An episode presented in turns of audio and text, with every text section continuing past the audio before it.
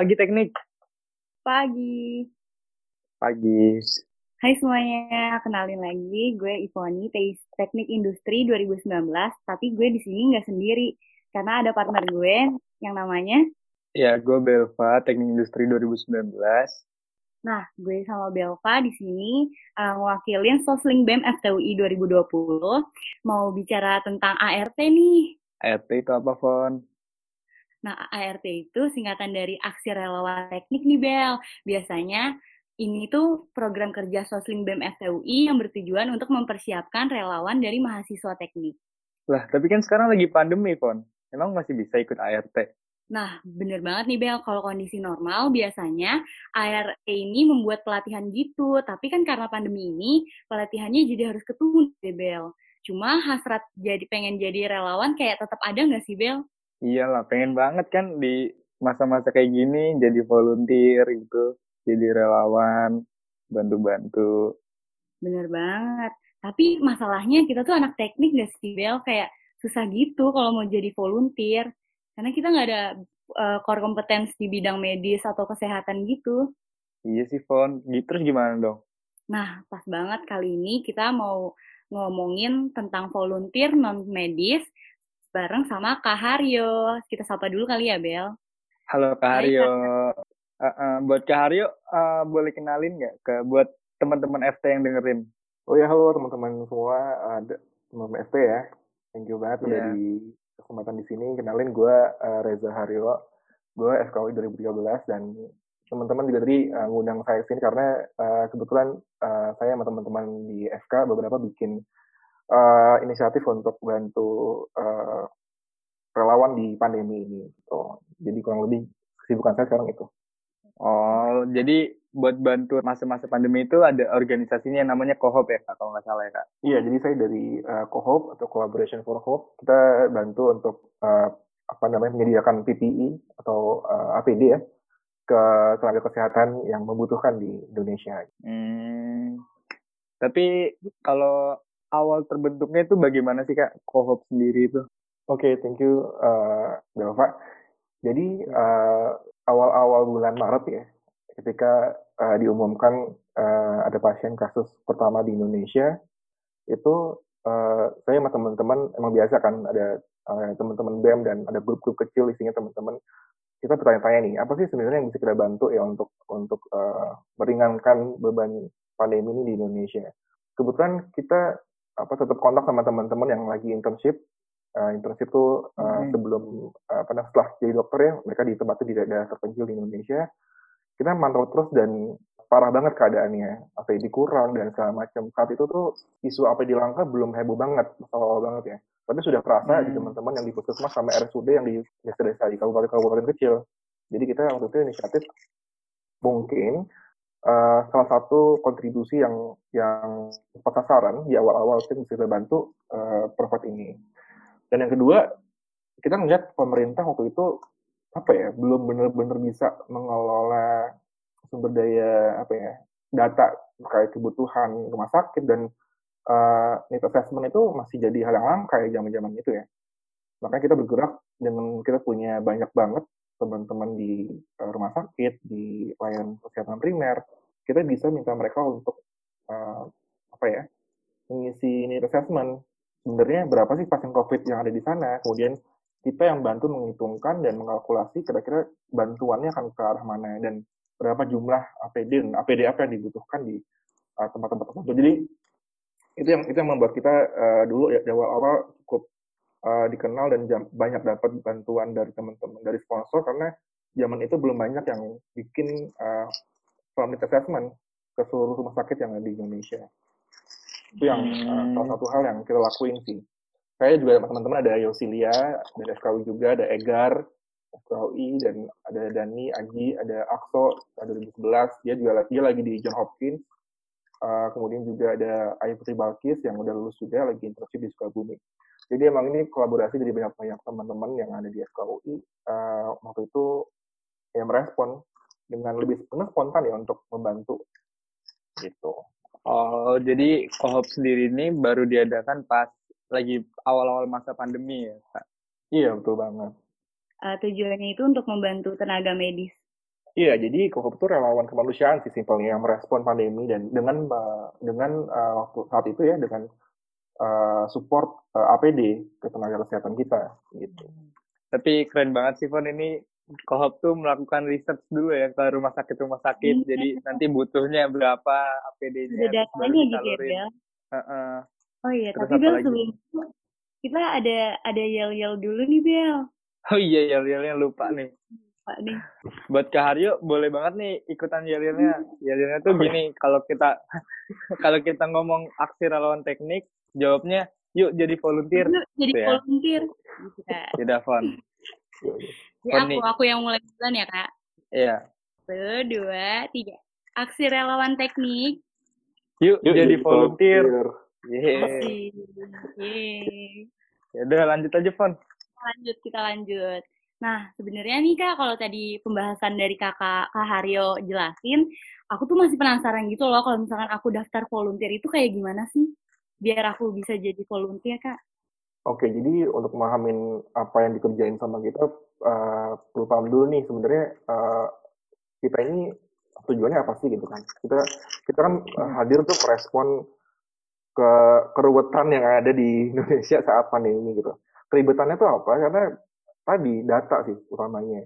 Kita punya sumber daya, kita punya kita tahu nih orang yang punya duit banyak mana, orang kita tahu nih sponsor-sponsor gede itu di mana kita tahu mereka tuh mau nyumbang duit mereka banyak. Kita tahu juga uh, supplier supplier APD segala macam.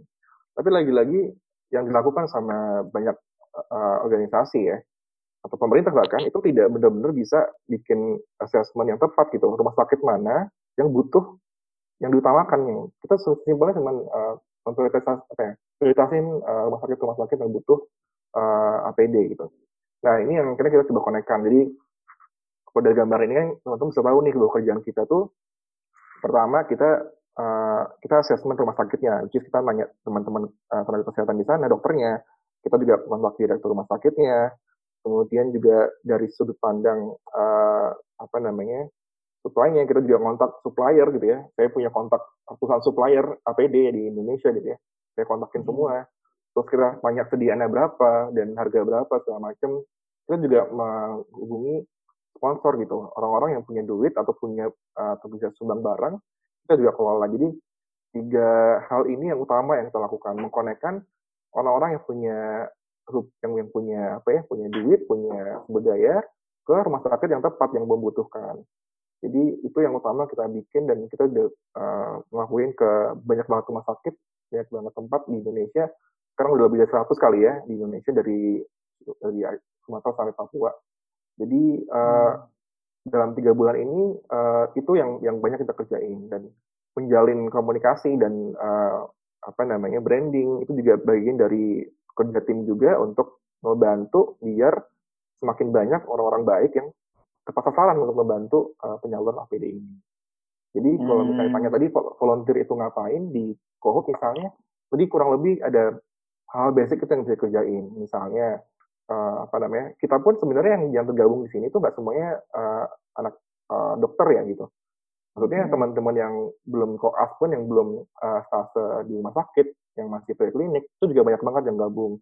Jadi mereka sambil-sambil kuliah online gitu ya kita juga bantu minta mereka untuk kontak-kontakin supplier untuk uh, mengontak rumah sakit misalnya terus memastikan pengiriman barang terus menjalin komunikasi dengan sponsor via online. Dan Uh, dan juga ada teman-teman yang ada waktunya luang ya bisa dan punya sumber daya misalnya ya mobil ada segala macam kita minta untuk distribusikan langsung ke rumah sakit rumah sakit yang ada di Jakarta. Tentu dengan persiapan yang yang baik ya dari kitanya kita juga sediakan uh, masker kita sediakan hand sanitizer dan segala macam gitu. Hmm, berarti ini mahasiswa teknik juga bisa daftar dong kak bisa banget bisa banget. Kita bahkan ada dari Majai dari di luar FK juga ada beberapa yang yang bantu untuk packing barang misalnya atau kontak-kontakin yang yang simple banget sebenarnya via online bisa banget. Apalagi sekarang kita udah udah minim nih untuk kita sendiri yang distribusin barang. Kalau kemarin-kemarin kan saya sama teman-teman nih yang yang naik yang nyetir mobil dan yang, yang rumah sakit di Jakarta ngebawa APD APD yang ribuan itu ya. Tapi sekarang udah banyak banget sponsor-sponsor kayak dari Lalamu dari uh, apa namanya beberapa teman-teman uh, dari uh, penyedia jasa pengiriman barang itu mereka menyediakan jasa free untuk kita kirim barang. Jadi sekarang lebih banyak kerjaan-kerjanya online aja sebenarnya. Jadi sangat-sangat fleksibel dan tapi impactnya gede banget sih. Iya. Tapi keren banget asli. Kayak bisa bisa hubungin dokter langsung gitu ke rumah sakit ke kerjanya. Langer, cari dana-dana Hmm. sponsor jadi, Iya, jadi itu bisa bisa banyak banget pengalaman ya kak kalau daftar kohop Iya. Jadi eh, salah satu kalau teman-teman bingung misalnya cari tempat bingung nih punya hasrat untuk membantu ya, punya membantu.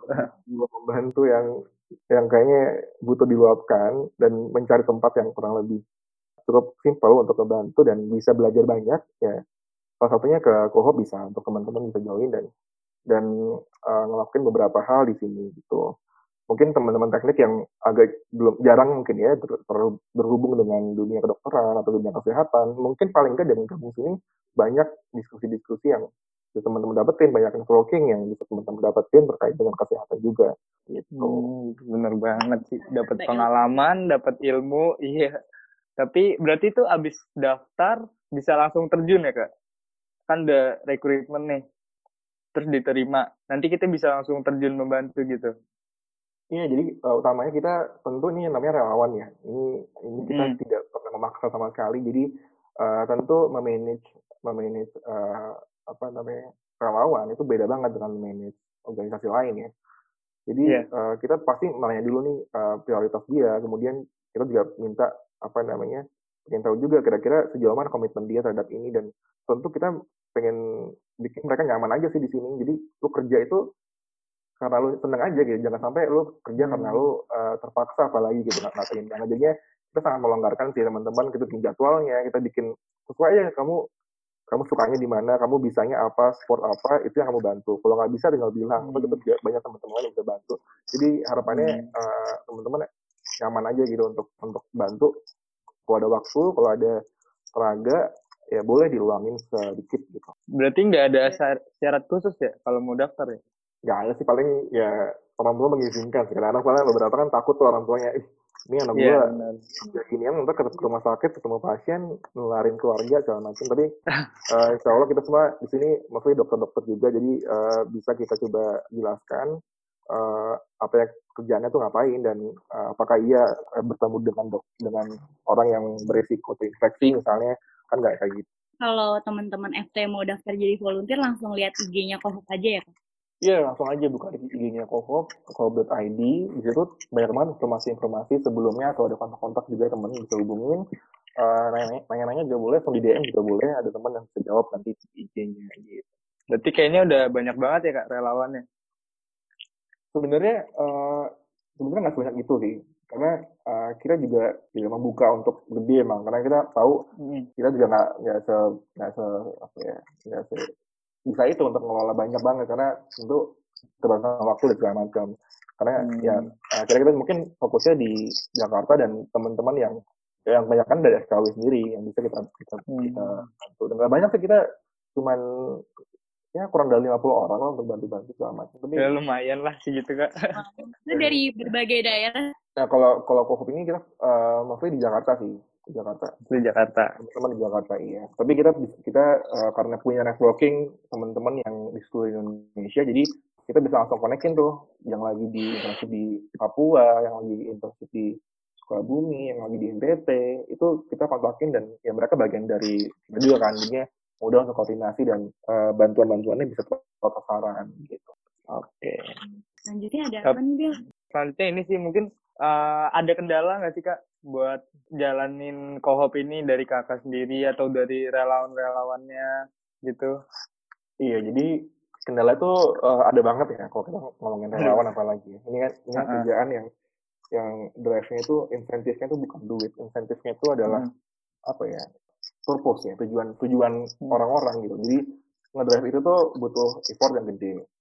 Yang kedua, jadi eh, sebagai orang yang membuat ini gitu ya, mungkin teman-teman yang co-founder yang saya Yosi, saya gitu ya, tentu di Hmm. awal apalagi itu effortnya gede banget. Misalnya dulu awal mulai kita cuma berlima tuh itu kita distribusi eh, hampir ke dua, ya 10-15 rumah sakit tuh awal-awal di Indonesia di Jakarta utamanya waktu itu kan lagi ramainya COVID di Jakarta itu udah itu eh, yang koordinasi distribusi saya semua itu Yosi yang yang koordinir kontak sponsor dan uh, mencari APD-nya, saya juga menghubungi uh, punya tim untuk menghubungi supplier.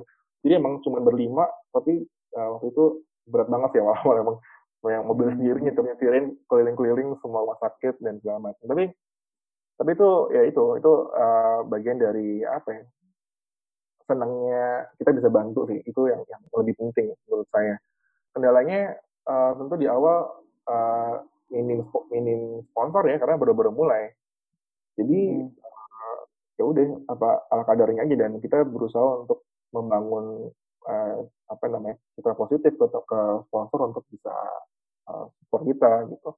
Jadi alhamdulillah uh, semakin ke sini makin banyak sih yang percaya dan bahkan jadi jadi salah satu toolsnya beberapa sponsor, beberapa sponsor yang kalau mau nyumbang ke kita terus misalnya dari yayasan apa namanya dompet media group gitu ya yang selalu ke kita pasti kalau misalnya mau apa namanya nyumbang gitu dan ada dari teman-teman dari uh, relawan-relawan lain. Gitu. Hmm. Kalau kendala dari masyarakat ada nggak kak kira-kira kayak misalkan uh, donasinya tidak tercapai gitu, donasi yang ditargetkan tidak tercapai atau um, perilaku masyarakat yang kurang gimana gitu kak? Kurang mendukung. Ya kurang mendukung. Ya kalau donasi tentu ya awal-awal tuh kita uh, sumber dananya itu awal banget awal banget itu cuma dari mencari beberapa uh, pool-pool orang yang yang ma, dulu awal banget kita sama kita kerja sama kita bisa awal banget. Sama kita bisa kita bisa tuh butuh bantuan untuk net assessment karena dia pun uh, masih sporadis dulu awal-awal. Sporadis kirim-kirim hmm. barang karena nah kebetulan itu punya sumber dayanya teman-teman yang ada ratusan teman-teman yang tersebar di seluruh Indonesia di rumah sakit rumah sakit. Jadi kita lebih lebih cepat tuh dari kita dari kita bisa untuk membantu support assessment. Nah itu uh, kemudian berlanjut ke ketemu sama beberapa orang yang punya uh, ngepul uang di kita bisa misalnya atau ngepul uang di uh, platform mereka sendiri untuk uh, disalurkan ke kita. Dulu awal itu. Cuman uh, bahkan sempat kita emang gak ada duit sama sekali gitu ya. Sampai minus sama nomor-nomornya sendiri gitu. Tuh pernah banget gitu. karena kira ngomongin beli APD kan apalagi ya tahu sendiri udah langka mahal banget pula APD-nya mahal. ada yang masuk akal ya. Jadi kayak beda kayak pesan sekarang pesan jam berapa nih? Jam sebelas? Ntar pesan sebelas lima belas harga udah udah beda. Kalau nggak barangnya udah nggak ada gitu. Jadi emang buru-buru dibayar segala macam. Itu kendala yang di awal-awal yang kita ya udah akhirnya pakai duit sendiri segala macam. Tapi hmm. uh, itu tantangannya emang di sana. Tapi alhamdulillah sih pelan-pelan uh, banyak sponsor dan segala macam. Akhirnya kita lebih banyak uh, apa namanya pakai sponsor-sponsor, terutama yang langsung uh, menyumbangkan bentuknya barang gitu, nggak nggak uang. Hmm. Kita emang kita juga kita juga sempat ngebuka sih, ngebuka donasi via rekening gitu ya. Cuman memang kita nggak nggak terlalu berharap banyak sih sama itu. Itu cuma buat uh, backingan aja kalau misalnya duitnya kurang untuk untuk pembelanjaan. Tapi utamanya emang kita bantu untuk mengkonekkan orang-orang yang punya sumber dana besar atau perusahaan-perusahaan besar yang kebingungan mau nyalurin ke mana sendiri segala macam. Tapi hmm. uh, itu tantangannya emang di sana. Tapi alhamdulillah sih pelan-pelan uh, banyak sponsor dan segala macam. Akhirnya kita lebih banyak uh, apa namanya pakai sponsor-sponsor terutama yang langsung uh, menyumbangkan bentuknya barang gitu. Nggak nggak uang. Hmm. kita emang kita juga kita juga sempat ngebuka sih ngebuka donasi via rekening gitu ya. Cuman emang kita nggak nggak terlalu berharap banyak sih sama itu. Itu cuman buat uh, backingan aja kalau misalnya duitnya kurang untuk untuk pembelanjaan. Tapi utamanya emang kita bantu untuk mengkonekkan orang-orang yang punya sumber dana besar atau perusahaan-perusahaan besar yang kebingungan mau nyalurin ke mana gitu. Hmm, berarti sebenarnya kohop ini awalnya juga banyak kendala ya kak, tapi Kak Harya dan teman-teman bisa mengatasi kendala-kendala itu, terus sekarang makin naik ya kohopnya, makin iya. banyak yang nyumbang.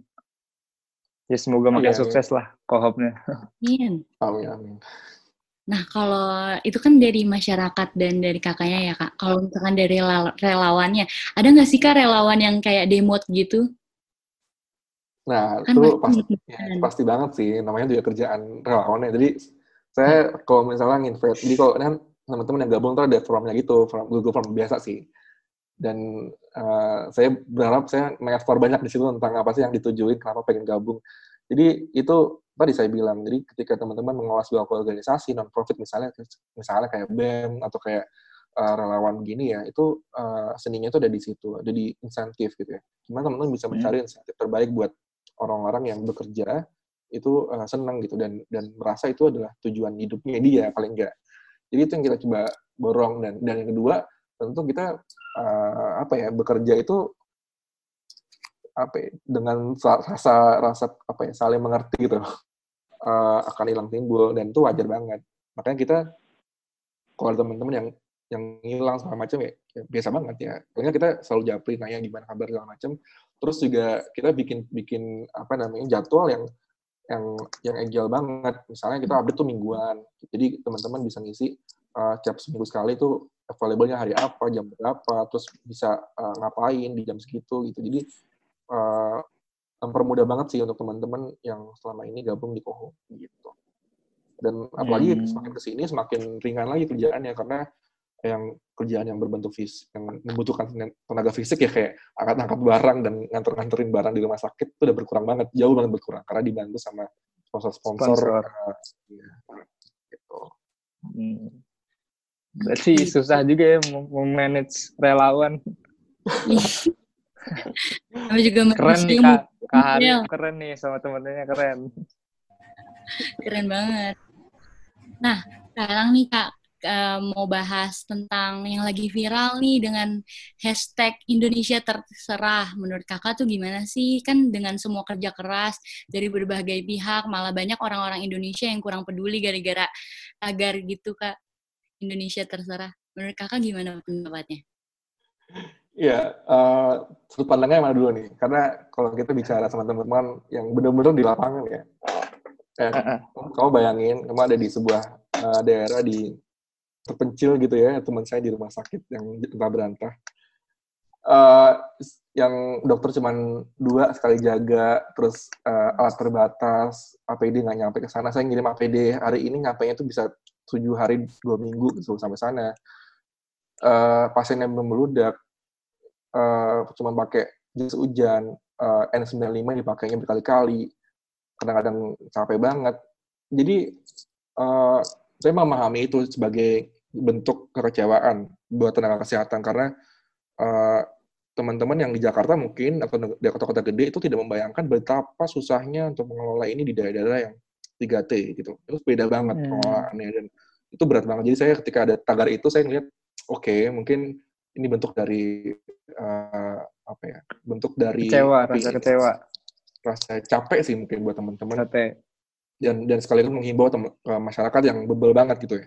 Tapi mm-hmm. terlepas daripada itu, itu lagi-lagi mungkin itu sekelebatan orang aja yang yang lagi gitu. Cuman saya mengenal teman-teman saya semua uh, bekerja sangat baik dan profesional dalam uh, menangani pandemi gitu ya. Jadi pasti teman-teman akan tetap di sana gitu. Mau kayak gimana pun teman-teman saya akan hadir di sana, dokter-dokter akan standby, perawat-perawat yang luar biasa kerjanya akan standby di sana dan dan gak, kalau mereka kalau mereka menyerah ya nggak mungkin mereka nggak di sana gitu. Jadi mungkin mereka mereka mereka nggak menyerah kan. Jadi hashtag itu mungkin di awal-awal beberapa orang aja untuk mencetus uh, aja mungkin. Tapi tidak seperti itu kenyataannya di lapangan. Teman-teman akan sangat positif dan sangat semangat untuk uh, membantu pasien-pasien untuk datang dan bantu untuk uh, merawat pasien-pasien kita.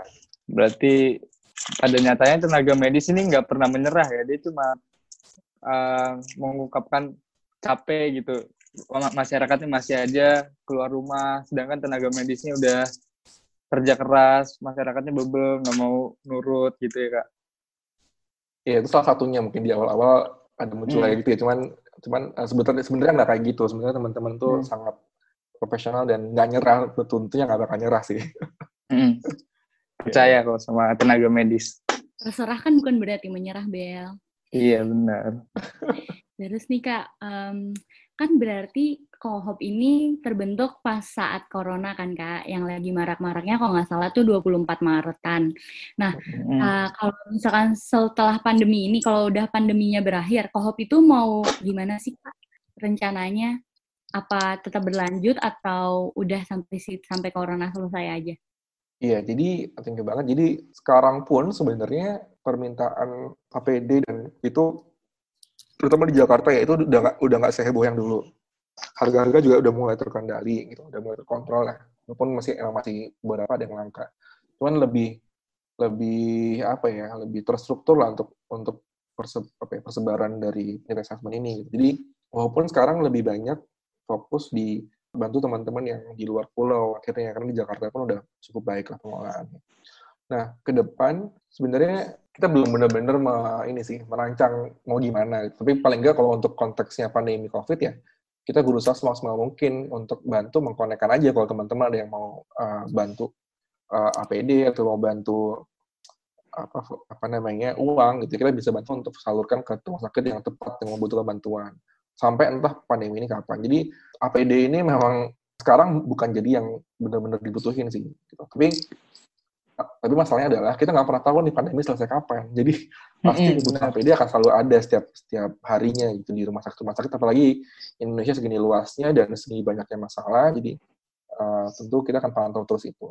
Tapi untuk ke depan ketika pandemi sudah selesai kita mungkin dalam bentuk apa ya platform yang bentuk untuk apa ya untuk uh, responsif aja terhadap berbagai masalah yang ada di di sektor kesehatan sih mungkin ke depan akan gitu karena harapannya sih jiwa jiwa relawan dari Kohop ini nggak cuma berhenti di APD aja cuma semoga ke depan uh, misalnya ada masalah-masalah yang lain semoga nggak ada ya tapi bisa bantu semoga lagi untuk, ada. untuk uh, kita hidupkan lagi untuk kita bisa bantu bantu-bantu hal yang lain gitu. Hmm, jadi semoga bakalan terus lanjut Kohop ini walaupun walaupun pandemi udah selesai kak. ya saat ini sih saat ini sih harapannya sih uh, apa namanya pandemi berakhir kohop juga kohop yang kerjaannya uh, bagi-bagi APD ini juga harapannya sih selesai gitu. Cuman oh, kalau misalnya gitu. kalau misalnya ada ke depan ada hal-hal lain yang butuh respon, ya kohop ini siap menjadi menjadi platform yang bisa hidup kembali dengan mungkin jiwa-jiwa yang baru gitu tergantung dengan tujuannya apa mungkin seperti itu cuman hmm. sekarang kita fokusnya ke APD dulu nih karena covid belum kelar kelar nih saya nggak tahu nih kapan yeah. kapan kelarnya kita jadi hmm. nggak kuliah bel di rumah aja iya di rumah aja nggak selesai selesai pandeminya iya. gimana kalian sehat-sehat semua ya sehat ya Alhamdulillah sehat kak. Alhamdulillah di rumah saja. kita belum keluar rumah aja nih udah dua bulan lebih. Apa mau tiga bulan ya? ya, ntar Tapi, rasakan senangnya keluar rumah. tapi bentar lagi, eh tapi kan ada isu-isu yang new normal itu ya kak. Iya. Kalau dari kakak sendiri tuh gimana kak? New normal ya. Jadi jadi kalau ngomongin new normal, uh, ya itu pilihan yang yang menurut saya memang pada akhirnya akan diambil sih, karena mm -hmm. ya Indonesia Indonesia terlalu besar bebannya terlalu banyak untuk untuk uh, apa namanya membantu menyediakan kebutuhan uh, pokok kita di di masyarakat kita yang banyak banget jumlahnya itu pilihan yang mungkin paling paling logis saat ini. Cuman uh, ya saya nggak yakin sih saya nggak tahu sih gimana ya karena saya nggak bisa menebak-nebak. Uh, perilaku masyarakat kita masih sangat-sangat beragam gitu ya. Kayak bahkan di Korea pun yang sudah segitu disiplinnya sudah sempat turun dan kasusnya sekarang dibuka naik lagi. Naik jadi, lagi ya. pun virusnya masih baru jadi uh, masih banyak hal yang belum bisa kita teliti. Mungkin buat saya new normal akan jadi tantangan baru sih buat pemerintah, hmm. apalagi buat pemerintah ya untuk menjaga ini orang-orang bisa nggak benar-benar mengubah gaya hidupnya karena behavior change itu sangat sulit banget diterapin apalagi di masyarakat hmm. yang yang literasinya rendah yang uh, kebiasaannya tuh uh, sangat beragam kebutuhannya juga banyak banget dan mereka harus turun ke jalan untuk mencari makan, kebutuhan makan, kebutuhan pokoknya. Jadi ya harapannya sih uh, masyarakat uh, aware tentang hal ini dan uh, new normal dengan baik mengikuti aturan-aturan yang ada dari pemerintah seperti itu. Ya, semoga semuanya kembali normal seperti biasa. Amin. Amin. Tapi kalau nggak salah ada negara yang udah bersih nggak sih kak? Yang apa Vietnam atau Thailand gitu kalau nggak salah? Iya, jadi Vietnam ya? iya. ya? Jadi emang Bekasi kan, juga yang ada Bekasi. ya, pasti banyak banyak faktor sih. Uh, pertama emang faktor, ya? apa namanya kan dia eh, apa namanya presidennya kan uh, orang publikal juga tuh di John Hopkins dia. Jadi mungkin lebih banyak pemahaman tentang mengelola. Uh, ada, ada beberapa orang yang yang yang, yang fokus ke sana. Kemudian juga Jepang juga uh, saat ini juga uh, sudah sudah menyatakan membuka semuanya dan bahkan mereka tanpa tanpa masif testing, tanpa social distancing yang lebay, mereka bisa menurunkan hmm. angka penularan. Lagi-lagi itu faktor banyak banget. Ya, kita ngomongin jumlah penduduk, ngomongin uh, apa namanya uh, komorbiditas, angka sakit-sakitnya orang-orang di Indonesia yang banyak banyak komorbid ya, ada kanker, ada DM, ada ada uh, hipertensi yang 60%, ada orang tua yang kita yang puluhan juta orang tua yang geriatri ya dengan sakit itu risiko-risiko yang tinggi banget makanya kita nggak kita nggak bisa apple to apple sih untuk membandingkan apa namanya penyelesaian masalah pandemi kepada negara-negara lain. Tapi paling enggak ya kita berusaha semaksimal mungkin. Apa yang bisa kita lakuin kita lakuin. Paling enggak dari teman-teman semua jangan uh, mungkin new normal akan banyak masalah-masalah baru. Makanya jangan hanya di rumah aja tapi sekarang mulai untuk cari apa sih yang bisa dilakuin secara individu gitu ya.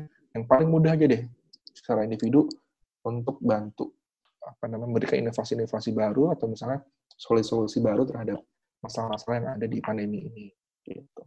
Oke, keren banget sih. Kak Haryo ini sangat berwawasan ya.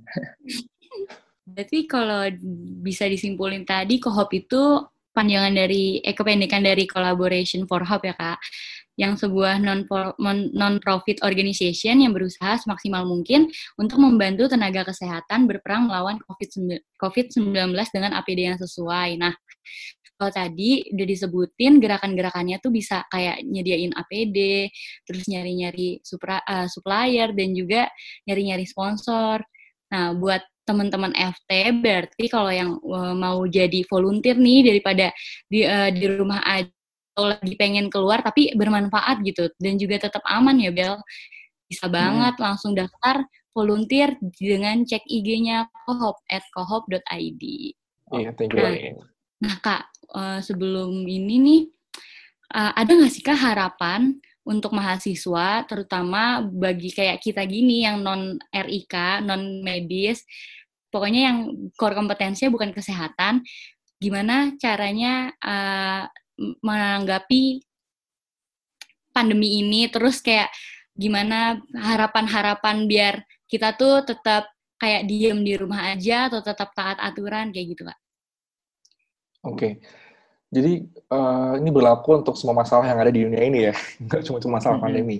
Teman-teman ketika ngeliat sebuah masalah yang itu berimpact pada diri teman-teman, itu jangan itu uh, sebisa mungkin cari apa sih yang menyebabkan masalah itu ada gitu. Jadi kunci dari teman-teman mahasiswa apalagi ya, yang katanya agent of change dan lain sebagainya itu yang dulu sering kemandangkan selama saya uh, S1 gitu di UI, uh, jangan cuma jadi omong kosong gitu. Teman-teman harus lihat kenyataan di lapangan. Cara paling mudah untuk teman-teman bisa tergerak hatinya itu melihat kondisi paling masyarakat paling rendah ekonominya. Teman-teman lihat ke kampung-kampung kumuh yang ada di Jakarta yang padat banget. Teman-teman bisa lihat tuh gimana uh, desa-desa yang rumah-rumah gubuk di sawah-sawah, teman-teman bisa lihat tuh gimana nelayan-nelayan yang di pantai-pantai yang miskin banget. Banyak banget yang bisa teman-teman lakuin. Kalau konteksnya uh, pandemi seperti ini, misalnya, misalnya pun nggak nggak jauhin relawan misalnya, atau nggak jauhin masalah uh, eh, PPI, bagi-bagi APD kayak gini ya, teman-teman bisa bantu banget untuk uh, support inovasi, bikin bikin apa namanya, misalnya teman-teman teknik kan juga banyak tuh bikin aerosol box, bikin mungkin APD-APD yang buatan sendiri, uh, banyak tips-tips untuk bikin hal semacam itu dan membagikan teman-teman lain.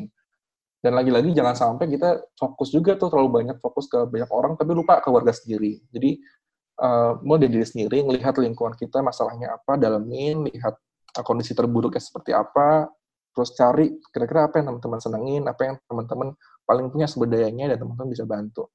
Mulai dari diri sendiri ke keluarga dan uh, baru uh, teman-teman bisa lihat kontribusi-kontribusi uh, masyarakat. Jadi banyak banget opsinya, banyak banget orang yang terdampak dalam pandemi ini, banyak banget karena banyak banget yang terdampak, jadi banyak banget uh, apa ya, banyak profesi, banyak banget bidang yang pasti kena juga dan teman-teman teknik pasti paham juga, paham bidang-bidang apa yang teman-teman bisa support.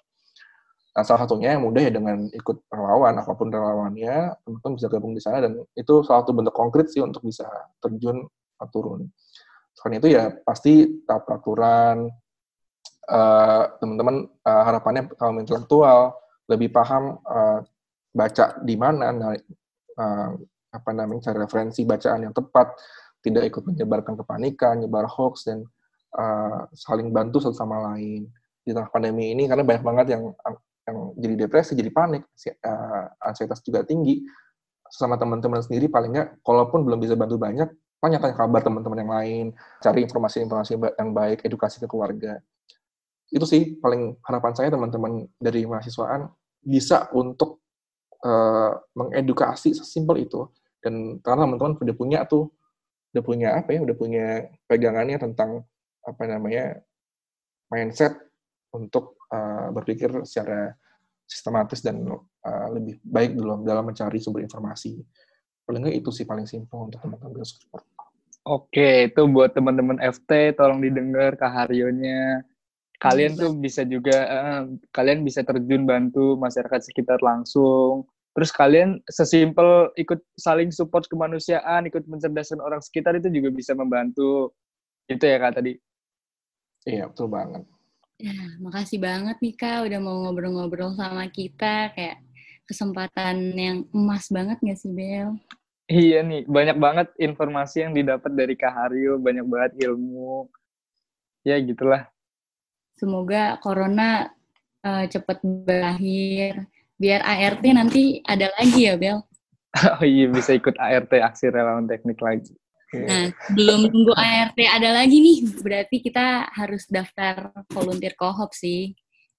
Biar bisa iya, bantu masyarakat. Iya, buat teman-teman FT yang mau daftar kohop, boleh banget.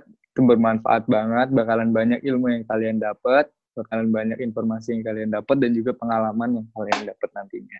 Bener banget. Sekali lagi makasih ya Kak Haryo, maaf kalau kita ngerepotin. Ya, makasih banget. Oh enggak sama sekali. Thank you banget udah dikasih kesempatan buat sharing di teknik. Harapannya juga jadi banyak kolaborasi nih untuk profesi. Jadi Indonesia sangat minim banget nih masalahnya. Kerjaannya tuh selalu individu-individu atau per fakultas, di, paling nggak di UI ya. Jadi dengan kayak gini tuh teman-teman teknik juga banyak uh, bantu untuk uh, support juga nih. Penyediaan penyediaan APD dan segala macam bikin sendiri lah kalau bisa. Gitu. Oke. Okay. Keren kalau bikin sendiri. Okay. Nah, sebelum kita mengakhiri podcast ini, kita yel-yel lagi kali ya, Bel. ya yelnya gimana, Fon? Takutnya lupa kan kasih tahu oh, lagi. Oh iya, lupa ya. Berarti kalau misalkan kita bilang, aksi relawan teknik, yuk jadi volunteer. Jadi volunteer. Eh, Bel, segantian lah, Bel, lu yang mulai. Ya udah, satu, dua, tiga. Aksi relawan teknik, yuk jadi volunteer. Yuk jadi volunteer. Yeah. Yeah. yeah. Bukan ya, itu ya dia kecil-kecilan aja dari sosling BMFT kak eh, bagus banget nih FT bikin ginian keren keren keren pertahankan iya makasih okay. banget lagi uh, udah nyempetin waktunya terus gimana lagi Pon lanjutannya nah berarti sekarang udah saatnya nih Bel uh, gue Ivoni dan juga Belva pamit undur diri sampai ketemu di podcast selanjutnya. Dadah semuanya. Dadah, dadah Kak Haryo, makasih ya. Terima kasih ya Kak Haryo. Thank you. Thank you.